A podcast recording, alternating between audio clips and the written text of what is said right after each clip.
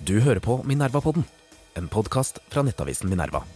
Ny episode hver fredag der du hører på podkast. Sakene finner du på minervanett.no. Hei og velkommen til Minerva-podden. Mitt navn er Nils August Andresen. Jeg er ansvarlig redaktør i Minerva. Med meg i dag har jeg deg, Berit Tenbakk, partner i Tema, som akkurat har levert en stor rapport til Offshore Norge om elektrifisering av sokkelen. Det er et av de litt mer omstridte temaene, har blitt mer omstridt enn det var pga. kraftsituasjonen. Og du er her for å snakke litt om det. Velkommen. Takk. Det, er, det har vært mange Jeg kan fortelle en bakhistorie her. Du og jeg jobbet jo sammen eh, på Ekon for 15 år siden. Jeg jobbet i oljegruppa, du jobbet i kraftgruppa. Det var jo dere som kunne om elektrifisering sikkert den gangen også, men vi i oljegruppa vi var veldig kritiske til dette med elektrifisering. Vi syntes det var noe tøys. Det var kjempedyrt, og det var, gassen ville jo bli brukt opp uansett. Og marginalprodusenten av kraft var kul et eller annet sted på kontinentet. Men hva er det dere finner i denne rapporten? Dere finner at det ikke er så dumt allikevel. Forklar. Ja, altså De argumentene som du nettopp har framført, de er jo bygd på en litt sånn forenkla beskrivelse av dynamikken i markedet. da. Det som er med, altså Så har jo teknologien gått, gått framover også. ikke sant? Sånn, ting har jo blitt billigere. Men, men tanken, tankegangen da er jo det at du får en økning i kraftetterspørselen som skjer over natta. Og da må du øke produksjonen i et kullkraftverk på kontinentet. Men det som analysen i den rapporten vi har skrevet nå er basert på, er at vi ser på markedsvirkningen på lang sikt. Mm. For det at dette er jo store prosjekt som er varig. Så for det første så vil markedet tilpasse seg en forventning om en økt kraftetterspørsel framover. Eh, og det, Da tilpasser man seg jo sånn at man bygger ny kapasitet for å møte økt etterspørsel. Og Det er jo uavhengig av om etterspørs den etterspørselsøkninga kommer fra elektrifisering eller ny industri, eller elektrifisering av gammel industri. Så det er egentlig samme effekten. Mm. Og Hvor stor er det? Vi snakker om 15 eh, TWh eller noe sånt. Hvor mye er det vi snakker om når vi snakker om elektrifisering av sokkelen? Det, det, kommer an på hvor mye man gjør, selvfølgelig. Det kommer an på hvor mye man gjør, og det er egentlig godt at du spør. For jeg syns også det at den debatten hemmes litt av at man tenker at enten skal vi elektrifisere på en måte alt, eller så skal vi elektrifisere ingenting. Men vi mener jo at vi skal elektrifisere de eh, eh, plattformene eller de installasjonene som det er lønnsomt å elektrifisere. Så det er en andel av det her.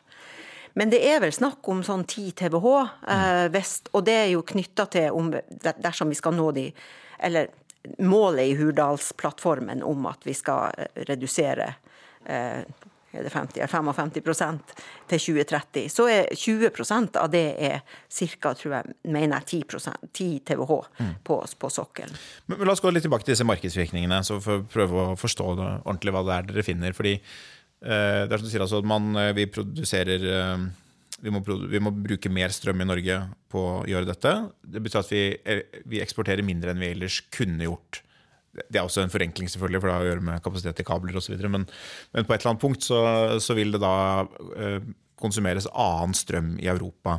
Mm. Og da er et av spørsmålene hva, hva slags strøm er dette? Og, og, og, og Forstår jeg det riktig at du sier at forutsetningen her er i en viss forstand at da Eh, det vil bygges ny Det vil føre til ny kraftutbygging, og den vil være relativt ren. Er det en slags forutsetning i, dette funnet? Ja, forutsetning og forutsetning. Det er jo for så vidt det. Det er jo en politisk forutsetning. ikke sant? At man, skal, man, man bygger ikke nye altså Det er ingen som planlegger nye kullkraftverk i Europa nå. Og hvis man gjorde det, så ville man gjøre det med, i kombinasjon med, med CCS, altså fange karbonet. ikke sant? Så det er, en, det er, jo en, konsekvens av de klimapolitiske rammebetingelsene og klimamålene i Europa. Og så har man jo... Så, så hvis de svekkes, så ville det måtte være endre bildet i en forstand? Det ville det jo gjøre. Det ville det gjøre. Eh, men også har man jo fornybarmål og fornybar, altså fornybar, for fornybar kraftproduksjon. Og de er jo utforma sånn at de er en andel av forbruket.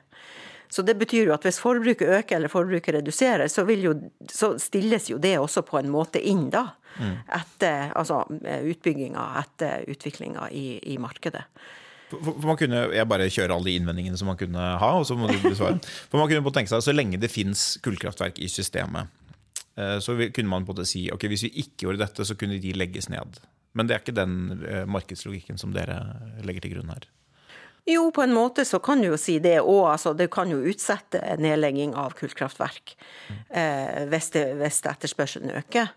Men, men det, det, vi har tatt utgangspunkt i, det er markedsscenarioer som er de markedsscenarioene og klimapolitiske scenarioene for så vidt som vi bruker som grunnlag for alle markedsanalysene vi gjør, alle prisprognosene vi gjør, for en masse aktører i mm. kraftmarkedet. Vi har ikke gjort noen spesielle forutsetninger mm. for denne analysen. Mm. Vi har analysert den på akkurat samme måte som vi ville ha gjort Mm. Om vi hadde, hadde, økt energieffektivisering eller redusert altså hva som helst så endring i forbruket. Så det robuste tendenser og, og vedtatte mål ja. i europeisk eh, klima- og energipolitikk, ja. så vil denne, dette bortfallet av uh, kraft i det europeiske markedet eller til det norske markedet, det vil føre til at ny kraftproduksjon vil i gjennomsnitt være mindre ja. eh, CO2-intensiv ja. enn den erstatter.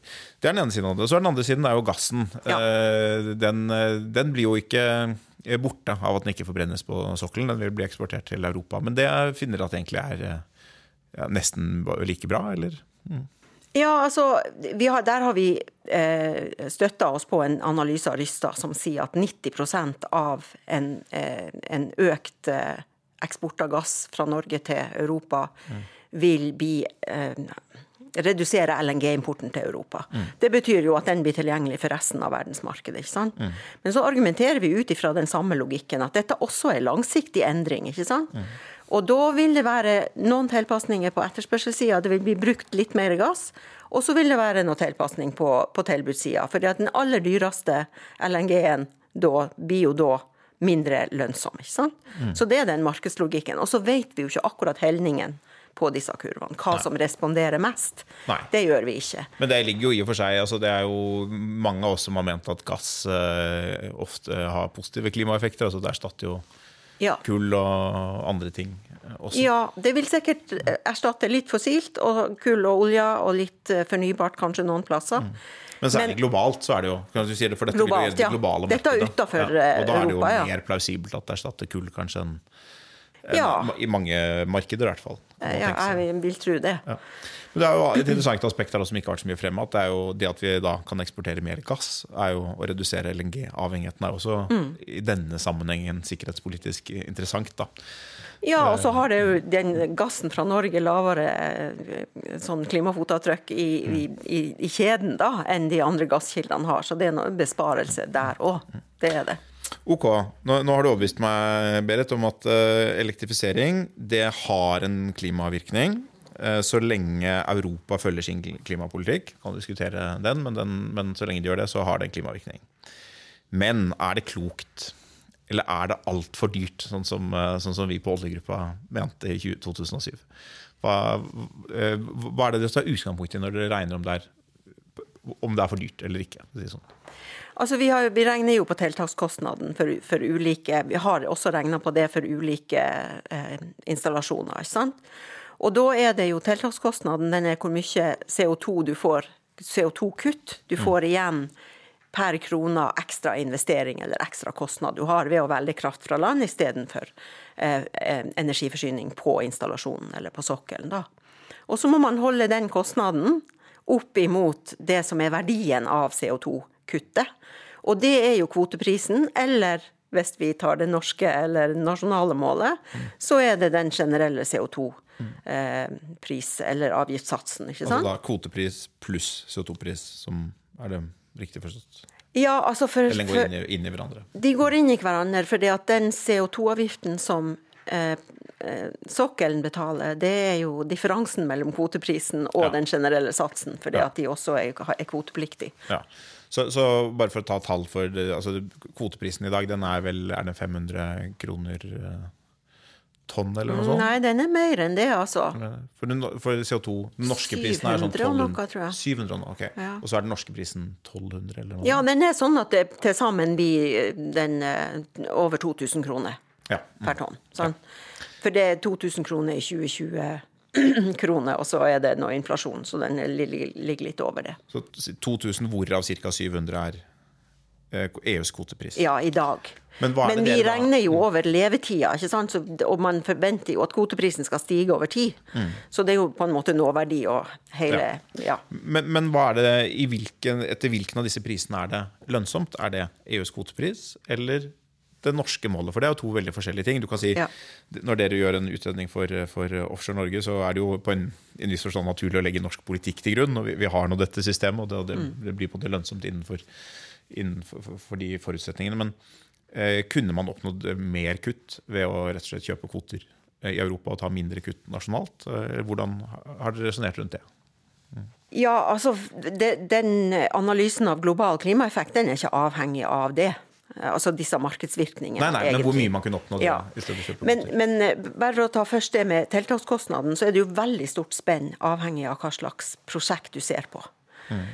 Og typisk så er det veldig lønnsomt å elektrifisere nye felt som bygges ut, fordi at du slipper en masse ekstrakostnader som følger med det å bygge gassturbiner på sokkelen, og ikke minst ha nok plass til de, og de er tunge og alt det der.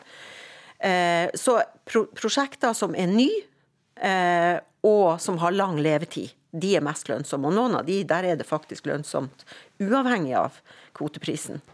Altså, de, det er billigere bare å gjøre det enn å gjøre det andre. Så de er jo lønnsomme uavhengig av om du ser eh, innenfor kvotemark altså bare ser på kvotemarkedet eller du ser på norsk politikk. Og så er det jo en, en, en skala der. Og de dyreste prosjektene det er jo eksisterende felt som allerede har bygd gassturbiner og, kan, og har kort tid igjen å produsere.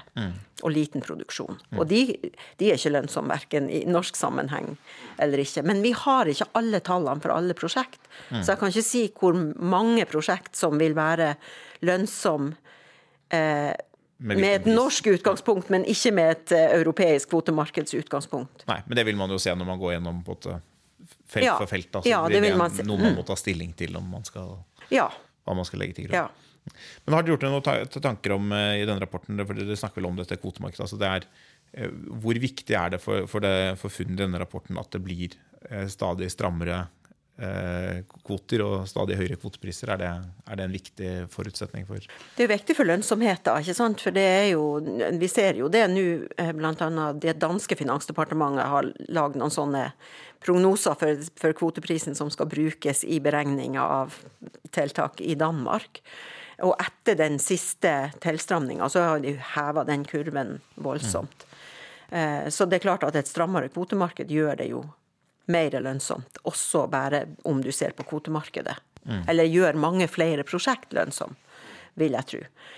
Um, hva var det andre nå? Er det noe dere går inn i? Altså, dere, man, man, dere legger på en måte til grunn at uh, Europa kommer til å føre en ganske klimavennlig politikk. Mm. Uh, både, på, både når det gjelder hva slags kraft man Ja. bygger ut, og når det gjelder kvotetaket. At man Ja. hele tiden trekker inn kvoter. og at Hvis man gjennomfører lønnsomme prosjekter, hvis man gjennomfører et prosjekt Mm. som type elektrifisering, da, så vil man respondere på det ved å trekke kvoter inn. Ja. mm. ja, så det er jo veldig viktig. for vi har jo, Disse beregningene vi har gjort med modellen, de viser jo på en måte at du får en, en endring i etterspørselen etter kvote, på en måte. Eh, sokkelen etterspør Mm. Færre kvoter. færre kvoter, og så er det litt økning i etterspørselen fra kraftproduksjon. ikke sant? Mm. Men da er jo det store spørsmålet om de kvotene bare vil bli brukt av noen andre, Mm. som da vil slippe ut mer enn de ellers ville ha gjort. Mm. Og da argumenterer vi på samme måten om at det er en tilbuds- og etterspørselskurve her, og at eh, du får et større overskudd av kvote, og det overskuddet av kvote fører til at flere kvoter blir kansellert. Det er en, en mekanisme i kvotemarkedet. Så det er ikke egentlig hvor stramt det er, men, men det at kvotetaket også responderer på det som faktisk skjer på bakken, på en måte. Men forklar deg litt den mekanismen. Altså, du sier det er en mekanisme. Er det en innebygget eh, regel, eller er det en eh, politisk beslutning? Det er to litt forskjellige ting. Ja, det er jo en politisk beslutning at man har bygd inn den regelen, da. Men hvordan fungerer denne regelen?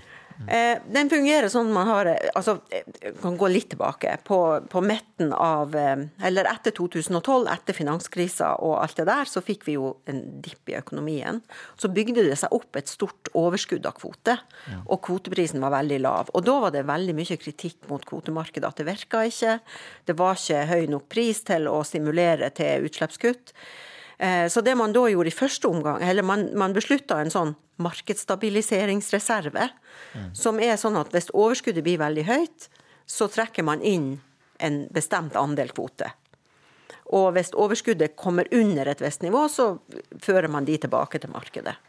Men, men, eh, men det er også sånn at hvis det, kvotene i denne, i den reserven kommer over et visst nivå, så, så kanselleres de permanent. De kommer aldri tilbake til markedet. Mm. Så, og, men i tillegg så, jo, så justerer man jo også med at man har tatt ut et antall kvoter. Det gjør man også nå. Det siste enigheten man har nå, er at en, en andel kvoter bare skal tas ut og kanselleres, ikke gå via markedsstabiliseringsreserven heller. Mm. Og det er jo alle de gangene man har gjort det, så har det vært med henvisning til at det har vært for stort overskudd eller for lav pris. Når vi snakker om dette i Norge, så er det jo den debatten føres jo av ulike grupper. Eh, altså En sånn sånn en MDG-aktig europavennlig fløy på den ene siden, for å karikere litt, og en mer sånn fossilgrå ganske europafiendtlig fløy på den andre, som vil si sånne ting som at eh, ja, ok, alt det du har sagt nå, kan i og for seg være riktig. Det kan hende at det kutter utslipp litt, og det kan hende at det er lønnsomt gitt kvotemarkedet sånn som det fungerer. Eh, men alt dette er jo bare idioti, fordi eh, Europa slipper ut 7-8 av verdens totale CO2-utslipp. Og dette er jo, selv om dette er en markedsmekanisme, så er det jo kostnader, og det vil føre til utflagging av industri, dyrere kraftpriser, og at Kina og India og Brasil eh, mm. vinner og Europa tapper. Det er jo ikke det den rapporten handler om, men kan du, kan du, si noe om det allikevel? Ja, vi har jo sett litt på det med som du snakker om med karbonlekkasje, som er at eh, europeisk økonomi lir for det at det er høye sånne klimapolitiske kostnader. Men der har jo faktisk EU-kommisjonen gjort en sånn metastudie, som det heter. Altså, de har gått gjennom masse forskjellige både teoretiske og, og empiriske analyser av dette med karbonlekkasje, og finner at, at empirien særlig. Altså teoretisk så I teorien så skal det være lekkasje? I teorien skal det være lekkasje, men, men empirien viser at det, de klarer ikke å, å, å, å, finne det. Og de har jo også politikk for å motvirke det. ikke sant? Så det har jo sikkert noe med det å gjøre. Du har gratiskvoter til industrien, du har en sånn eh, eh kompensasjon for at de har høyere eh, eh, kraftpris. Eh, og nå er det jo den her karbontollen som, mm. Som, som, også skal ta over for dette. Så, og det andre er jo det at det er jo ikke bare Europa som har klimapolitikk.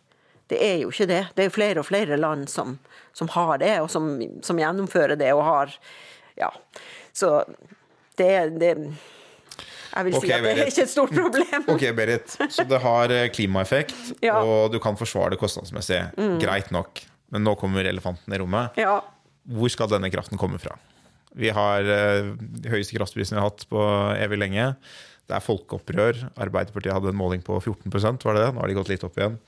Eh, det, det, som overtar, er kullkommunister i, i, Rødt og andre partier som vil legge ned klimapolitikken, reindustrialisere landet basert på kull og, eh, og starte borgerkrig i Europa. Altså, Er dette den fremtiden temaet vil styre mot? Hvor skal kraften komme fra? Ja, Det er jo egentlig et annet spørsmål, og ikke bare knytta til elektrifisering av sokkelen. Altså, det er jo Den forbruksutviklinga vi ser, eller veksten i kraftforbruket i Norge, kommer jo delvis selvfølgelig, eller en, en, egentlig en stor del ifra elektrifisering av sokkelen, transportsektoren, industri også som slipper ut. Så det er jo knytta til klimapolitikken sånn sett. Mm. Men det er jo også veldig mye etterspørsel etter kraft til ny grønn industri. Mm. Eh, som er knytta til omstilling av norsk økonomi. Mm.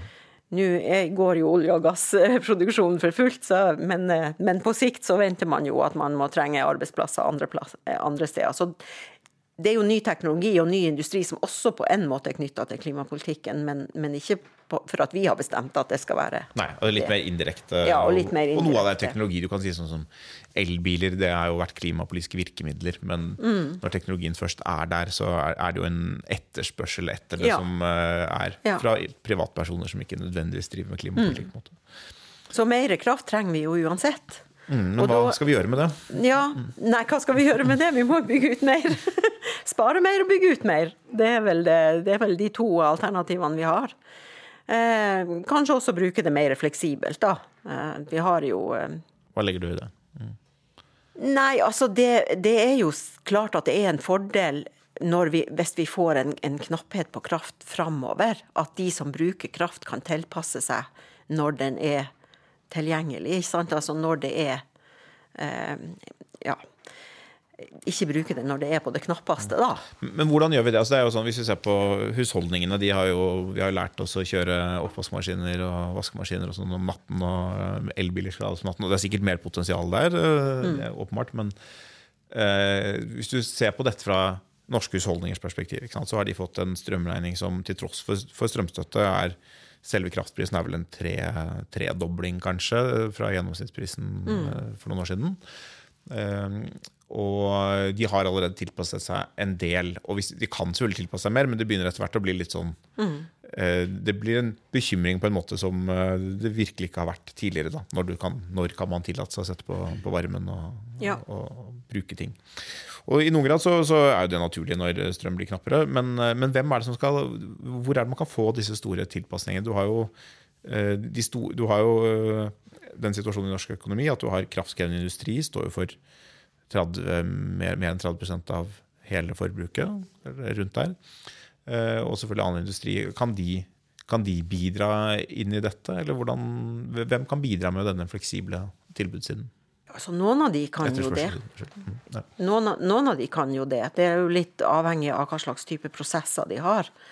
Der er jo altså, der er tekniske løsninger. Man kan bruke kanskje varmelager mer, og man kan ha solceller. og Altså det, det, det fins muligheter. Og så kan man jo ha litt mer, kanskje ha litt mer fleksibel produksjon på noen, på noen av de anleggene. Jeg har ikke full oversikt over det, men jeg, det har jo vist seg nå i den situasjonen vi har hatt, at det er mer fleksibilitet enn vi egentlig hadde trodd at det var mulig å finne. Mm. Og så er det jo ikke kostnadsfritt, selvfølgelig. Det er det jo ikke. Det er jo ikke enkelt. Altså, jeg har jo full respekt for at det både koster noe for bedriftene og det koster noe for husholdningen å drive og spare og, og tilpasse seg. Så, eh, men, men, for å få systemet til å gå i hop og holde kostnadene totalt sett nede, så, så, er det nødvendig å få inn mer fleksibilitet. Og så må vi huske at vi har jo mye Vi har jo teknologi ny teknologi, digitalisering, sånne ting som gjør det mye enklere enn det var før. Ja, Og styre effekttopper. Og styre, og ja. Man kunne jo tenke seg, hvis du sier at vi bruker 50 milliarder kroner omtrent på strømstøtte til husholdningene og litt ekstra til bedriftene. Altså er det jo sånn, Hvis du da bare tar de de kraftkrevende bransjene, som, eller bedriftene, som, som forbruker mest strøm. altså Hvis du hadde brukt bare 10 milliarder eller noe sånt på be dem pent da, å, med, med, en sjekk på, på den bønnen om å mm. redusere forbruket sitt litt når det, var, ja. når det, var, knapt, så ville man jo på en måte plutselig stå i en helt annen prissituasjon mm. uh, innenlands. ikke sant? Mm. Så det Er jo sånn, er det en, en type tankegang som, som, har vært drøftet eller forfulgt uh, politisk? For I gamle dager så fantes det jo, eller det finnes kanskje fortsatt, men altså, vi, vi, har jo hatt og har planer for å koble ut industri ved, ja, ved knapphet. Ja, ja. Mm. Nei, det diskuteres jo det, selvfølgelig. Men, men det er jo det, vi gjør det jo på to måter. Den ene måten vi gjør det på, det er å ha en markedspris som gir signal om at det er knapphet. Og vi har jo sett både under den situasjonen vi har vært i nå og i fjor når det var tørrår, og tidligere tørrår, at industrien faktisk stenger ned i en periode og, og selger krafta tilbake til markedet. Og det er jo viktig for at vi skal eh, at det ikke skal bli rasjonering. Altså Markedet rasjonerer på en måte. Og, det, og, og, de som gjør det, gjør det jo fordi det lønner seg for dem med det prisbildet som er. Eh, men den andre biten av det, er jo som du er inne på, er jo å betale noen for å, å, koble ut i bestemte situasjoner eller sånn. Og det gjør man litt også, eller man har hatt sånne energiopsjoner Statnett har hatt. Eh, jeg er ikke helt sikker på om de har bruker det hvert år, men det er litt sånn avhengig av eh, av vurderingen av hvordan situasjonen blir til vinteren. Så man, en kombinasjon av sånne ting, altså betale for fleksibilitet, det er klart at det Det er rart at det ikke måtte vært mer diskusjon. Man har jo på det forsøksvis, mm. eh, Offentligheten har forsøksvis endevendt alle delene av kraftsystemet, men, men eh, offentligheten kjente jo ikke så godt til kraftsystemet da denne krisen begynte. Så det, er litt det kan være en del stener man på at ikke har klart å snu allikevel, ja. som det ikke har blitt debatt om. Det er ikke sikkert noen har ja. Ja, og også fordi at en del av de tilpasningene krever jo investeringer, og det tar jo litt tid. Sånn, du må investere i system, eller du må ha ja, system som gjør det mulig for deg å respondere. ikke sant? Så Altså, den krisa vi har nå, er jo helt spesiell. Det er jo for at Altså, det som ligger bak, er at Putin har skrudd igjen gasskranen Ja, ja, til ja, Europa. det sant? Det ville ikke vært sånn uten. Det er det som forklarer på en måte alt. Men vi ser jo også på prognosene framover at det er utsikter til at vi får større knapphet Ja, og den russiske gassen kommer jo ikke tilbake, så, så det vil jo, på en måte, denne situasjonen er jo relativt langvarig. Selv om man får inn LNG og sånn, så er det jo en Ja. langvarig, mer anstrengt situasjon som kommer på toppen av den, av den eh, etterspørselsøkningen som du nevnte i sted. Ja. Som da kommer litt før. Så har man jo I prognosene så ligger det jo masse ny kraftproduksjon, men den er jo Mm. litt lenger frem i tid. Ja. Så det er vel en ganske annen situasjon enn ti års tid fremover, eller hva, hva, hva tenker du om det? Altså, gass Jeg så akkurat i går, tror jeg det var, at eh, gassprisen er jo halvert. Den er jo høy fremdeles, altså. Og det, men det er jo på grunn av at uh, først gikk den ned på kort sikt fordi at man fikk fylt opp lagrene, så man tenkte at nå har vi nok for denne vinteren, ikke sant? og så har det vært mildt. Men nå har det også den lange prisen gått ned. Så man er ikke så bekymra for situasjonen neste vinter. Og det er det LNG som har kommet inn, eller er det andre ting? Ja, det er vel LNG, men kanskje også det at man ser at, eh, at man har seg. at man tilpasser at man får redusert forbruket. Det er jeg ikke helt sikker på, altså. Men, men altså, det viser jo òg at det skjer tilpasning i markedet, og det, det, det er viktig å få disse prissignalene igjennom, ikke sant? Markeder funker. Det Markedet det er- funker, altså. Det, det, som er, det som er med markedet, er at istedenfor at man ser på ett og ett tiltak, og så skal noen bestemme at nå gjør vi det, og så tyter ut alle andre veier, så setter markedet i ramma for, for totaliteten, ikke sant. Det gir signal til alle små og store ting. Så det, det er ikke så dumt. Dette er god Minerva-politikk. Vi kan slutte med det. Folk lider kanskje, men markedet virker. Fredrik ja. Tevak, tusen takk for at du kom til Minerva-podden.